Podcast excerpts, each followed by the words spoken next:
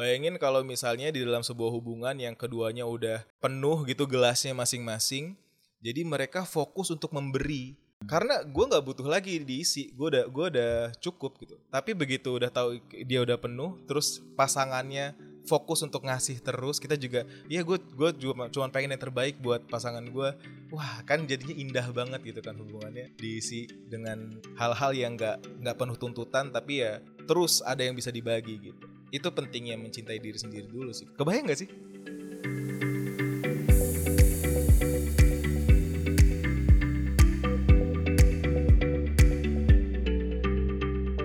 Hai guys, welcome back to the Better Story Podcast. Nah, di podcast ini kita akan menguak dan membahas untold story atau cerita yang biasanya nggak diceritakan di balik pencapaian yang dicapai figur yang akan kita interview. Nah, kami sangat-sangat berharap untold story mereka bisa menginspirasi kamu to own your story and to create your own kind of better story. Alright, so kali ini kita akan berbincang bareng Gary Ardian, seorang podcaster yang mostly sharing tentang relationship, personal growth, dan life skills di podcast dia. Nah, kerennya nih, Gary ini sering disebut sebagai pakar cinta nggak tahu kapan dia dapat julukan ini. Mungkin ketika dia merespon curhatan dari pendengar dia, ketika dia kerja jadi penyiar radio, atau maybe karena podcast dia sendiri yang di mana dia mostly talk about relationship.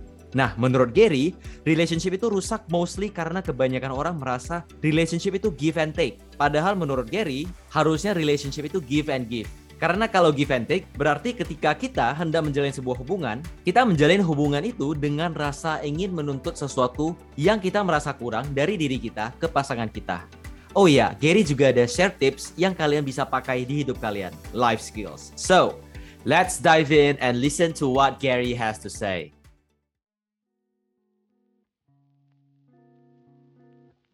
Halo Bro Gary, welcome to the Better Story Podcast. First of all, thank you udah luangin waktu to be here with us. And I think we can start dengan perkenalan singkat dari lo, Ger, untuk pendengar yang belum kenal sama lo. Oke, okay. uh, eh, buat pendengar ya Better Story Podcast, nama gue Gary Ardian. Belakangan, dua tahun terakhir gue jadi podcaster yang bahasannya soal relationship, juga ngomongin soal personal growth sama lifetime skills. Alright. Jadi Ger, aku pernah baca nih artikel yang aku nemu di internet. Huh? Katanya nih sebelum lu nulis buku pertama lu, huh? juga sebelum lu mulai jadi podcaster, huh? dan juga sebelum lu disangka sebagai pakar cinta, lu sempet pernah dibully nih di bangku sekolah karena suara lu. Huh? Boleh dong Ger sharing cerita lu, cerita dari mulai dari bangku sekolah sampai nemu inspirasi untuk jadi podcaster. Wow, itu artikel yang mana tuh yang bilang gue dibully suaranya? Tribun News Lampung nggak salah. oh, Oke, okay. itu uh, jadi dulu tuh waktu di awal gue mulai siaran. Jadi sebelum podcastan gue siaran di uh, salah satu stasiun radio di Bandar Lampung kok. Terus di angkatan gue waktu itu gue yang paling nggak bisa siaran. Bentar, bentar. Gue nggak salah dengar, Ger. Lu nggak bisa siaran episode-episode podcast lu itu bagus banget loh Ker. Nah itu dia karena dulu diledekinnya cuman karena ya lu mah bagus suara doang malahan gitu. Jadi nggak nggak pembawaan nggak tahu ya nggak nggak pengen bilangnya kayak ah ini jangan-jangan uh, alasan doang dulu tuh tapi emang ngerasa karena introvert aja kok. Jadi nggak bisa yang ngomong lama gitu di depan mic nyampein sesuatu gitu. Nah, makanya wajar kalau misalnya waktu dulu dulu di masa training tuh trainernya bilang gua nggak berkembang apa-apa karena ya emang ya emang gak ada basic apa-apa waktu itu waktu mulai untuk jadi training penyiar gitu. Yang lain tuh udah on air sejak sebulan training gitu, sebulan sebulan latihan. Gua tuh tiga empat bulan gitu baru baru naik on air. Ya karena yang difokusin ya public speaking ya kan. Tadinya mah nggak hmm. tadinya mah nggak bisa ngomong lancar kayak gini kok. Cuman mimpi aja pengen jadi penyiar itu gitu. Tapi ya uh, dengan growth mindset waduh ini house of leaders yeah. dengan growth mindset gue belajar terus lama-lama ya bisa juga. Terus cerita lo di bangku sekolah gimana Ger tadi? Oke. Okay. gue tuh uh, tumbuh sebagai anak yang sering disalahin sama orang tua. Awalnya itu dulu. Uh, karena ya gue sih ngerti sekarang udah ngerti. Dulu mereka pengen protect gitu pengen supaya gue tetap ada di jalur yang benar tetap uh, melakukan sesuatu hal yang yang ini baik yang ini enggak dikasih tahu gitu kan dituntun gitu. Cuman lebih kenuntut waktu itu sehingga gue ngerasanya uh, oh ini gue nggak boleh ini nggak boleh itu. Nah tumbuh sebagai anak yang begitu uh, sampai bangku SMP gue tuh sangat berhati-hati dalam memilih apa yang pengen gue uh, lakuin gitu. Karena tahu orang tua gue lebih menekankan mana soal benar dan baik ya benar. Jadi kalau salah tuh gue pasti seolah-olah kayak dunia kiamat gitu kalau gue melakukan kesalahan. Nah bosen hidup kayak gitu di SMA gue rasa SMA itu tuh masa bukan masa jaya tapi beneran gue kayak punya kingdom sendiri gitu waktu SMA kok beneran yang kayak oke okay, gue bisa mulai, mulai rebel lah gitu mulai nyoba hal-hal baru mulai pengen ngelakuin oh i, nyoba ini kayak gimana nyoba itu kayak gimana dulu sampai di SMA itu tuh ikutan ekstrakul ekstrakurikuler tuh lebih dari tujuh mungkin lebih lah Gila. Gila banget emang. Semua Banyak diikutin. banget. Olahraga semua diikutin. Karena dulu pernah jadi ketua bidang olahraga, jadi ikutan basket, futsal, uh, taekwondo lah, volley lah semua diikutin.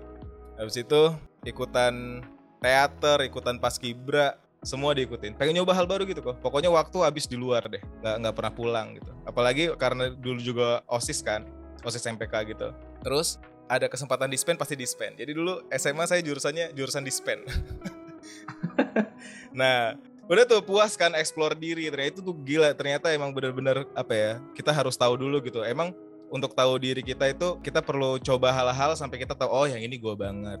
Oh setelah dilakuin yang ini enggak deh gitu. Yang ini gue banget. Sampai pada akhirnya eh, di umur 19 tahun kalau nggak salah udah ngerti udah mulai coba ngelakuin satu hal gitu nah waktu itu lagi ada bukaan siaran di stasiun radio yang gue bilang. Pas nyoba karena disuruhnya ngirim apa sampel voice gitu kan. Jadi nggak tahu nih kalau gue siaran kayak gimana. Jadi cuman ya sampel voice satu menit gimana sih bisa ngejudge-nya kan. Eh keterima lah. Nah begitu dijalanin lebih dari tiga bulan mulai on air terus mulai dapat feedback dari pendengar mulai dikenal sebagai penyiar gitu ya uh, gue ngerasanya wah ini gue banget gitu secara pandangan yang luas gitu broadcaster itu tuh seru banget gitu. Nggak cuman uh, nggak cuman sebagai penyiar radio gitu tapi tahu dunia broadcasting itu tuh semuanya lininya gitu kayak wah ini ternyata production man-nya kerjanya begini terus apa uh, produser di belakangnya kerjanya begini gitu segala macam. Itu kayak gue sih waktu itu ngerasanya dunia gue banget. Sampai akhirnya uh, masuk kuliahnya juga komunikasi di Bandar Lampung sini di Unila. Habis itu masuk ke komunikasi, makin ngerasa deket sama dunia broadcastingnya, sempet pengen berhenti jadi penyiar di tahun ketiga. Jadi setelah mulai tahu broadcastingnya di Bandar Lampung ternyata ada stucknya nih kok. Ada kayak setelah tiga tahun dijalanin ngerasa udah tahu semua ngerasa udah tahu jadi penyiar gimana, ngerasa udah tahu jadi uh, produser gimana. Waktu itu bahkan sampai di on air manager. Nah, habis itu pengen berhenti lah ya. Ya udah lah ya, pengen coba hal baru lah habis ini gitu. Cuman uh, ngelihat ke belakang gitu flashback kayak oke, okay, ternyata dari semua yang gue lakuin sampai sekarang ini radio ini tuh uh, hal yang nggak pernah ada kepikiran di kepala gue, oh, udahlah nggak seru, udahan aja gitu. Nggak pernah bahkan sekarang pengen berhentinya itu karena pengen lebih lagi gitu pengen coba yang lebih lagi gitu di dunia broadcasting itu. Makanya waktu itu nggak langsung berhenti terus jadinya malah ikut intern di radio Jakarta. Terus ikutan intern baru tuh ngeliat wah ini workflow radio yang sebenarnya gitu. Yang yang apa uh, semuanya beneran punya tugas. Kan kalau di daerah ya kok maksudnya di Bandar Lampung itu di radio gue dulu lebih kayak oke okay, penyiar harus menguasai banyak hal lah gitu ngerangkap jadi ini jadi itu jadi itu. Nah begitu ngeliat dunia radio yang asli gitu di Jakarta lagi wah jadi kayak silo banget gitu. Wah ini keren banget.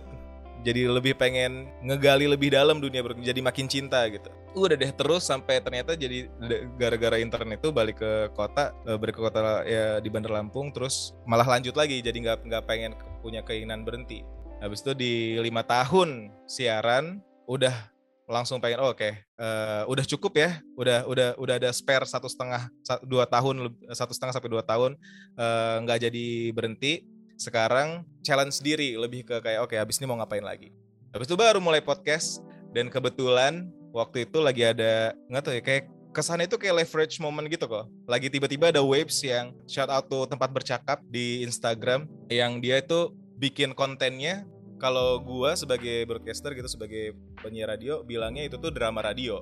Sebagai penulis gue bilangnya itu deklamasi. Tapi gara-gara tempat bercakap mereka kenalnya masyarakat tuh kenalnya ini tuh bercakap namanya. Nah begitu waves itu datang, gue udah bawa lima tahun pengalaman jadi penyiar dong. Begitu itu dimulai wavesnya sementara yang lain coba-coba gue cuman bawa bekal lima, uh, lima tahun siaran itu. Jadi kayak oke okay, orang pengen lagi seneng pengen ngobrolin apa ini? Oh yang selingkuh selingkuh oh yang ujungnya plot twist gitu-gitu. Ah itu sih udah sering gue bawain di siaran. Bikinlah kontennya di Instagram awalnya habis itu satu post pertama langsung ribuan viewsnya. Habis itu dua post baru mulai dilirik sama akun-akun serupa kayak tempat bercakap kayak dunia bercakap lah apa gitu segala macam mulai ngelirik gitu. Terus di repost sama mereka. Habis itu ada satu akun namanya dunia bercakap yang setelah nge-repost video gue langsung naik ngebus gitu langsung dia dari followersnya 2000 langsung ke 10.000 gara-gara video itu. Langsung kontak dia langsung nge DM mau nggak jadi regular kontributornya gitu untuk untuk akun itu gitu. Ya gue langsung kayak ya why not? gitu kan. Baru memulai juga gitu. Eh beneran abis itu cuma dalam waktu tiga minggu sih 40 ribu sekian gitu followers naik untuk gue pribadi. Untuk dia dalam waktu kurang satu bulan itu tuh dia naik sampai 100 ribu Nah, leverage moment tuh kok kan langsung naik. Orang ngelihatnya wah enak banget Gary cuma tiga minggu konten tiba-tiba naik gitu followersnya gitu. Padahal ya orang nggak ngelihat lima tahun di belakangnya siaran. Iya, sacrifice-nya kan. Terus kayak ternyata selama ini struggle-nya banyak nyampe nyoba intern ke Jakarta gitu ngelihat dunia workflow-nya kayak gimana gitu ya. Cuman ya kalau misalnya mau dinilai mudah juga nggak apa-apa. Soalnya ada momen waktu itu temen main ke rumah terus karena mainnya ya biasa lah ya rumah ini kayak base camp kok. Terus ya udah teman-teman mau datang. Pas mau datang dan ngobrol uh, eh, gue bilang eh bentar ya gue mau ngepost dulu hari ini gitu mau buat konten. Terus gue cuman record 10 menit habis itu kelar upload gitu. Terus dah terus temen gue bilang udah gila ya gitu doang banyak followers lo iya gitu doang. Iya emang gitu doang kok gitu. Kurang lebih gitu sih kok sampai sekarang ya masih dilanjutin jadi podcaster. Really love the story Ger. Everything pays off ya Hedian Ger, gue gak tahu ada yang pernah bilang ini ke lu atau belum, tapi personality lu dan mindset lu itu keren bro. Dari cerita yang lu sharing barusan, entah lu jago nyampein atau memang seadanya seperti itu, semuanya yang lu sharing barusan itu vibe-nya calming and positive. Wow. But Ger, looking back, pernah nggak lu merasakan satu perasaan, maybe lu feel bad ke orang-orang yang ngebully lu ketika di bangku sekolah? Uh, kebetulan waktu udah memulai bikin konten kok, gue siarannya malam siarannya malam itu tuh berarti bahasanya orang curhat ya kan abis itu jadi udah sering ngomongin relationship, udah ngom udah sering ngomongin soal personal growth. Nah, sedikit banyak gue tuh mencari tahu kenapa orang pemikirannya selalu negatif. Karena kan every negative emotion comes from the bad place kan. Kayak apa? Ya pasti mereka entah lagi menderita karena hidupnya, terus juga mereka mungkin nggak bebas finansial gitu. Maksudnya masih harus mikirin makan dan sebagainya. Terus jadi mereka ngerasa butuh untuk mencari pelampiasan gitu pak. Kayak ini gue hidup gue menderita gitu. Apa uh, orang lain seneng sih gue cari salahnya deh gitu. Secara psikologi mereka mikirnya kayak gitu makanya ketika gue ngelihat ada orang yang cenderung ledek atau gimana I feel warm for them gitu loh kok kayak aduh kasihan banget. Iba iba gitu kayak wah mereka pasti lagi ng ng apa ngalamin uh, kehidupan yang berat gitu. Sampai akhirnya dia mereka butuh uh, mengelampiasin untuk orang lain gitu. Jadi ya gue sih nggak apa ya gue rasa cukup baik untuk mengatasi hal tersebut. Gue kasih contoh misalnya kok ya. Gue kasih contoh misalnya waktu teman gue tuh di awal-awal bilang lu ngapain sih Ger ngonten kayak gini? Di awal-awal kan kalau kita ngonten tuh eh, kita belum belum membedakan antara mana yang audiens kita mana teman kita kan. Kita kan sefollowan sama teman kita di Instagram kan. Dan bisa ya, jadi teman kita itu bukan audiens kita untuk konten-konten tersebut gitu. Nah makanya kalau temen gue bilang lu ngapain sih ngonten kayak gini? Ya wajar karena mereka bukan audiens gue gitu. Nah karena itu gue bakal biasanya bilang oh iya sorry sorry sorry. Lo harus tahu kalau konten gue yang di Instagram itu buat followers gue buat lo ada di close friend. Nanti lo gue masukin close friend ya gue bilang gitu. Uh, konten konten temen gue di close friend gitu. Nanti nanti lo gue masukin. Gitu. Karena gue gue justru lebih senang untuk bukan mengedukasi juga sih tapi lebih ngasih tahu oh ini gini loh point of view gue kalau misalnya bikin konten itu uh, eh, gue ngasih ke audiens gitu. Jadi ya gue sih lebih ke itu iba sih kok kayak aduh kasihan banget ya makanya baca dong gitu kan. See this is what I mean calming and positive turning bad negative vibe jadi fun and positive. Hmm. Overall, gue relate sih, Ger, dengan yang lo share barusan. Karena awal ketika gue mulai House of Leaders, Yep. teman-teman gue juga banyak yang bilang, lo ngapain sih? Eh. Lo mau jadi motivator? Sukses aja belum? Mau motivasi siapa? Dan pada saat itu gue hanya bisa diemin mereka, Ger. But you take it to the next level, man. Dan lu masih bisa positif, dan lu masih mau jelasin ke mereka gitu. Keren sih, Ger. Kudos. Ya gue bilang gitu sih. Ya gue sih ngerti karena kita masyarakat kita komunal yang kayak eh, kalau ada yang nonjol sedikit kelihatan beda banget gitu. Rasanya semuanya dilakuinnya seragam gitu. Ya pastilah gue gua ngerti mereka pengen narik ke bawah gitu.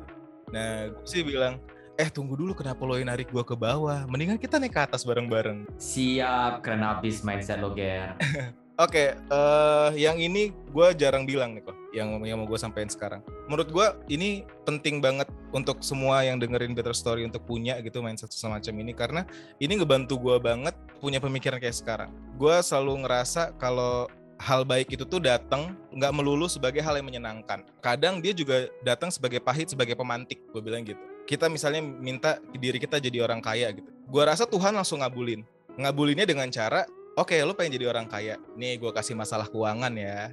Selesain dulu. Orang kaya harus bisa nyelesain masalah keuangan. Oh, misalnya gue pengen jadi content creator yang tinggi gitu kelasnya. Lo mau jadi content creator? Oke, saya kabulin kata Tuhan. Cobain dulu kalau misalnya ada orang-orang yang ngejek lo gimana, lo mau ber- bersikapnya gitu. Nah, menurut gue semua hal-hal yang kayak gitu, itu tuh sebenarnya hal baik yang dibungkus sama pahit aja gitu kok. Kita sendiri yang harus nemuin makna di baliknya itu tuh apa gitu. Nah, gue ini ngomong hal ini sama beberapa temen gue yang punya masalah dalam hidupnya gitu.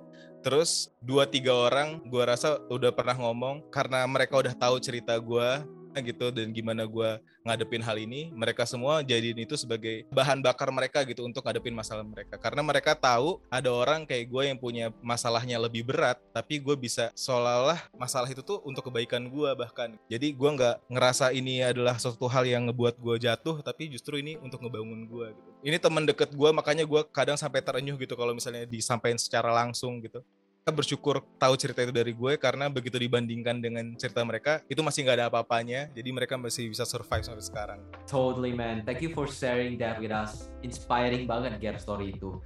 And to mention it again, I really love your mindset. And this is the proof that maturity is not measured by age. Karena gue punya teman, Ger, yang umurnya itu jauh lebih tua dari kita berdua. Tapi bahkan ketika dikasih saran, kita itu kasih saran dan dukungan agar dia itu bisa keluar dari dead cycle dia. Yang dia selalu ngomong itu gue mau keluar dari cycle ini tapi susah banget.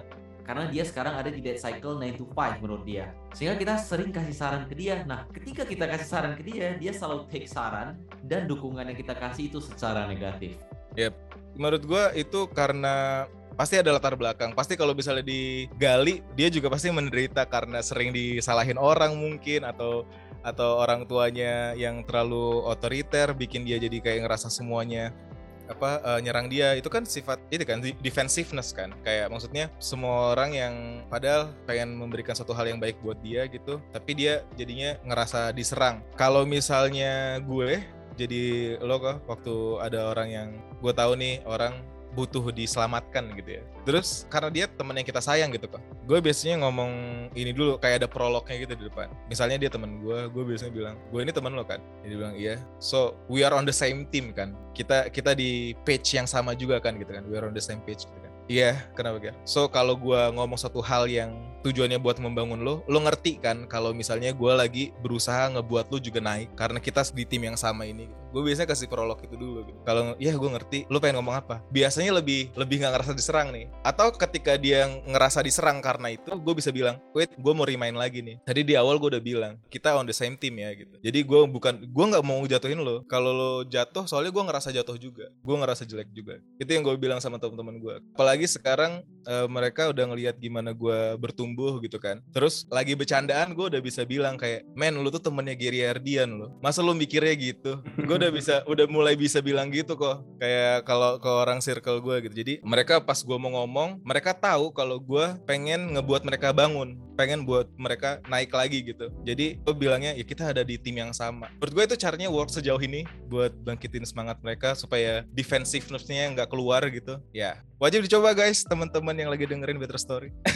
100% guys, if you are listening to this, yang barusan Gary share itu wajib dicoba banget sih. Great tips and worth a shot. Eh, oh iya Gary, by the way, sebelum gue lupa mention, gue mau mention ke lo, ada satu episode yang ngehook gue untuk denger episode-episode lain di podcast lo. Hmm. Karena relate banget gue. Konsepnya juga bagus, calming and insightful. Nah, judul episode ini kalau nggak salah, perasaan aja nggak cukup. Nah, di episode itu lu sharing, Ger, bahwasannya kita itu harus mencintai diri kita sendiri dulu. And aku setuju banget, Ger, dengan poin-poin yang lu sampein di episode itu, karena aku dan istri, kami percaya bahwa kebahagiaan kami berdua adalah tanggung jawab kami sendiri. Manusia kan nggak sempurna ya, Ger. Dan sebagai pasangan, kita tuh harus bisa sebisa mungkin ada untuk mensupport dan menjaga perasaan pasangan kita. Tapi bukan berarti ketika kita sedih dan pasangan kita itu nggak bisa ada untuk kita pada saat kita membutuhkannya, Hmm. Kita malah menyalahkan mereka. Dan kami juga percaya bahwa kalau kita sebagai manusia itu, kalau kita nggak mencintai diri kita sendiri terlebih dahulu, kita nggak akan bisa mencintai orang lain atau pasangan kita secara tulus, Hmm. genuinely. Karena kalau kita belum mencintai diri kita sendiri, gimana kita bisa menerima dan mencintai orang lain kan? Bener. Nah, cepat lambat hubungan ini pasti akan rusak. Hmm. Nah, jadi boleh nggak, Ger, sharing sesuai dengan pengalaman lo tentang pentingnya mencintai diri sendiri terlebih dahulu? Oke, karena konteksnya prolognya ke arah istri, berarti gue juga nyambungin ke relationship ya kok. Jadi eh, gue bilangnya kalau misalnya diibaratin gitu mencintai diri sendiri itu kenapa penting? Karena kita kayak bejana-bejana gitu loh kok kayak gelas-gelas gitu. Kalau misalnya gelas kita belum penuh terus apa yang mau kita bagi? Kita masih kosong terus kita mau ngebagi ke orang lain. Ya kita ngebagi apa? Ngebagi angin berarti kan bukan hal yang bermakna gitu kan air yang bisa berguna gitu. Makanya pentingnya kita menyadari dulu mengenali diri terus juga kita akhirnya bisa mencintai yang artinya kita menerima kelebihan juga menerima kekurangan yang ada dalam diri kita gitu. Terus kita juga harus aware eh, karena kita udah tahu kelebihan sama kekurangan diri kita kita jadi eh, tahu gitu ke depannya apa yang perlu kita kembangkan apa yang perlu kita hindari apa yang perlu kita perbaiki. Dengan begitu kita jadi konten konten tuh di bahasa Indonesiain gue belum nemu padanan kata yang tepat gitu. Apa ya? Fulfilling gitu. Kayak ya kita ngerasa cukup tapi kadang orang juga ngerasa cukup itu tuh suatu hal yang nggak bener-bener cukup gitu. Tapi maksud gue adalah kalau misalnya kita udah selesai sama diri kita sendiri kita baru bisa ngebagi itu ke orang lain. Karena tanpa itu kita eh, menuntut kebahagiaan dari orang lain. Jadi karena kita nggak bisa memberikan kebahagiaan pada diri kita sendiri kita jadi ngerasa kita butuh kebahagiaan itu datang dari orang lain Nah, memulai hubungan dengan keinginan untuk dibahagiakan itu memulai hubungan yang sangat menuntut jadinya. Padahal sebaik-baiknya hubungan itu bukan yang take and give tapi give and give. Bayangin kalau misalnya di dalam sebuah hubungan yang keduanya udah penuh gitu gelasnya masing-masing, jadi mereka fokus untuk memberi. Karena gue nggak butuh lagi diisi, gue udah gue udah cukup gitu. Tapi begitu udah tahu dia udah penuh, terus pasangannya fokus untuk ngasih terus kita juga ya gue gue juga cuma pengen yang terbaik buat pasangan gue wah kan jadinya indah banget gitu kan hubungannya diisi dengan hal-hal yang nggak nggak penuh tuntutan tapi ya terus ada yang bisa dibagi gitu itu pentingnya mencintai diri sendiri dulu sih kebayang nggak sih Hmm, kebayang sih Ger. Terutama di analogi lu soal bejana, gue setuju banget dan gue suka banget give and give ya. Dan kita harus merasa kita itu enough dulu karena kalau enggak pada akhirnya hubungan kita kan hancur juga kan karena kalau kita nggak merasa diri kita itu enough terlebih dahulu makanya kita akan memulai sebuah hubungan dengan rasa ingin menuntut sesuatu yang kita merasa kurang dari diri kita ke pasangan kita. Terus Ger, lu juga ada mention kan di salah satu episode di podcast lu tentang empat tahap pencarian diri empat tahap bertumbuh self-like, selfish, self-love, dan selfless. Boleh nggak sharing insights lo tentang ini? itu gue gue yang make up itu sih kok. Itu gue rasa gue nggak baca di mana-mana ya. Ya apa ya? Gue juga lupa deh. tapi gue rasa emang apa namanya kita yang tadinya self like gitu ya kita nggak tahu gitu nggak kenal sama diri kita sendiri prosesnya nggak bisa langsung tiba-tiba kita jadi self love. Terlalu muluk-muluk kalau kita pengen hal itu terjadi ke hidup kita. Ibaratnya kayak kalau misalnya kita pengen langsung lompat ke self love itu kayak kalau di game tadinya level 0 terus bisa nggak gue langsung ke level 100 gitu ya kecuali nge-cheat ya kecuali pakai game shark gitu mungkin bisa. Cuman kan di hidup nggak ada shortcut kan untuk jadi lebih baik. Jadi gue nganaloginya gitu sebelum kita sampai ke self love kita gitu. Kita pasti jadi selfish dulu gitu. Kita pasti egois ngutamain diri sendiri di awal. Makanya banyak anak remaja yang seolah-olah cuma pedulin diri mereka sendiri karena dalam pencarian sampai akhirnya bisa selfless gitu berbagi ke orang lain dia perlu ngalamin itu dulu gitu. Tahu gitu mana yang penting buat dia dan mana yang enggak gitu. Jadi dari yang tadinya nggak kenal sama diri sendiri karena tahu dan kenal gitu ya udah tahu nih batasan-batasan apa yang penting buat dijaga gitu ya pasti kita jadi terkesan egois gitu. Sampai akhirnya kita tahu kalau self love yang sebenarnya itu tuh ternyata adalah mencintai diri kita tanpa menyakiti orang lain. Jadi kita tetap bisa bersosialisasi dan kasih toleransi kita ke orang lain, tapi kita tahu juga kalau diri kita itu udah penuh gitu secara kebutuhan apa pun yang kita butuhin gitu. Nah, habis itu kalau kita udah ngerti kebutuhan kita itu apa aja, keinginan kita apa aja, terus kayak sejauh apa hal-hal yang ada di sekitar kebutuhan-kebutuhannya lah. Habis itu baru kita bisa mulai ngebagi hal tersebut, ngebagi diri kita ke orang lain. Karena kita udah selesai sama diri kita sendiri tadi. Jadi kita udah bisa bermanfaat buat orang lain gitu. Nah, dalam proses untuk bisa bermanfaat, dalam dalam proses untuk bisa membagi itu, nah, kita kan harus fulfill dulu, kita harus ngisi diri kita dulu gitu. Ini ini yang bisa bikin gue jadi diri gue yang sekarang berkarakter punya identitas yang baik gitu baru akhirnya bisa membagi itu ke orang lain. Itu konsepnya. Love that I love that so much man. Kita lagi record podcast episode tapi gue kayak lagi dengerin podcast at the same time nih. So Ger thank you so much udah luangin waktu hari ini to record this episode. And sebelum kita close episode ini ada gak pesan terakhir yang mau lu sampaikan ke pendengar Better Story Podcast? Hmm, Gini deh Ger, gimana kalau gini? Anggapan episode ini adalah stage terakhir lo dan lo hanya punya satu menit untuk nyampein pesan terakhir lo. Gimana? Apa pesan terakhir lo Ger? Wow, itu bikin pertanyaan jadi tough ya. Apa? satu menit untuk nyampein kalau misalnya uh, ini adalah pesan terakhir gue. Hmm. Uh, kita ada di timeline kita masing-masing. So nggak Eh, nggak uh, ada gunanya ngebandingin diri kita sama orang lain karena kita nggak nggak lagi jalan di jalan yang sama kita selama ini nganggapnya begitu karena dari masa sekolah kita terbiasa untuk ada di kelas-kelas tertentu yang dengan umur sebaya juga. Padahal saat itu kita nggak lagi jalan beriringan, tapi kita cuma beririsan aja. Sampai pada akhirnya kita harus uh, nentuin hidup kita sendiri waktu dewasa, ya kita jalan di jalan kita masing-masing. Makanya nggak ada gunanya untuk menjadikan hidup orang lain sebagai tolak ukur dari hidup kita sendiri karena tujuan kita beda. Maka dari itu itu pentingnya kita fokus sama diri kita sendiri dan tantangannya jadi versi yang lebih baik dari diri kita gitu dan selama kita hari ini udah jadi lebih baik daripada hari kemarin, hari ini kita udah menang. Wow, thank you for the reminder, Ger. Stop comparing chapter hidup kita dengan chapter hidup orang lain. Fokus ke buku yang kita tulis one step and one sentence at a time. Ini udah kayak dengerin pepatah-pepatah ngomong gitu. Alright bro, thank you once again udah sharing your piece in this episode. Keep in touch ya. Oke okay, kak, siap. Thank you semuanya for kesempatannya juga untuk pendengar Better Story. Semoga bermanfaat. Yep, ciao everyone.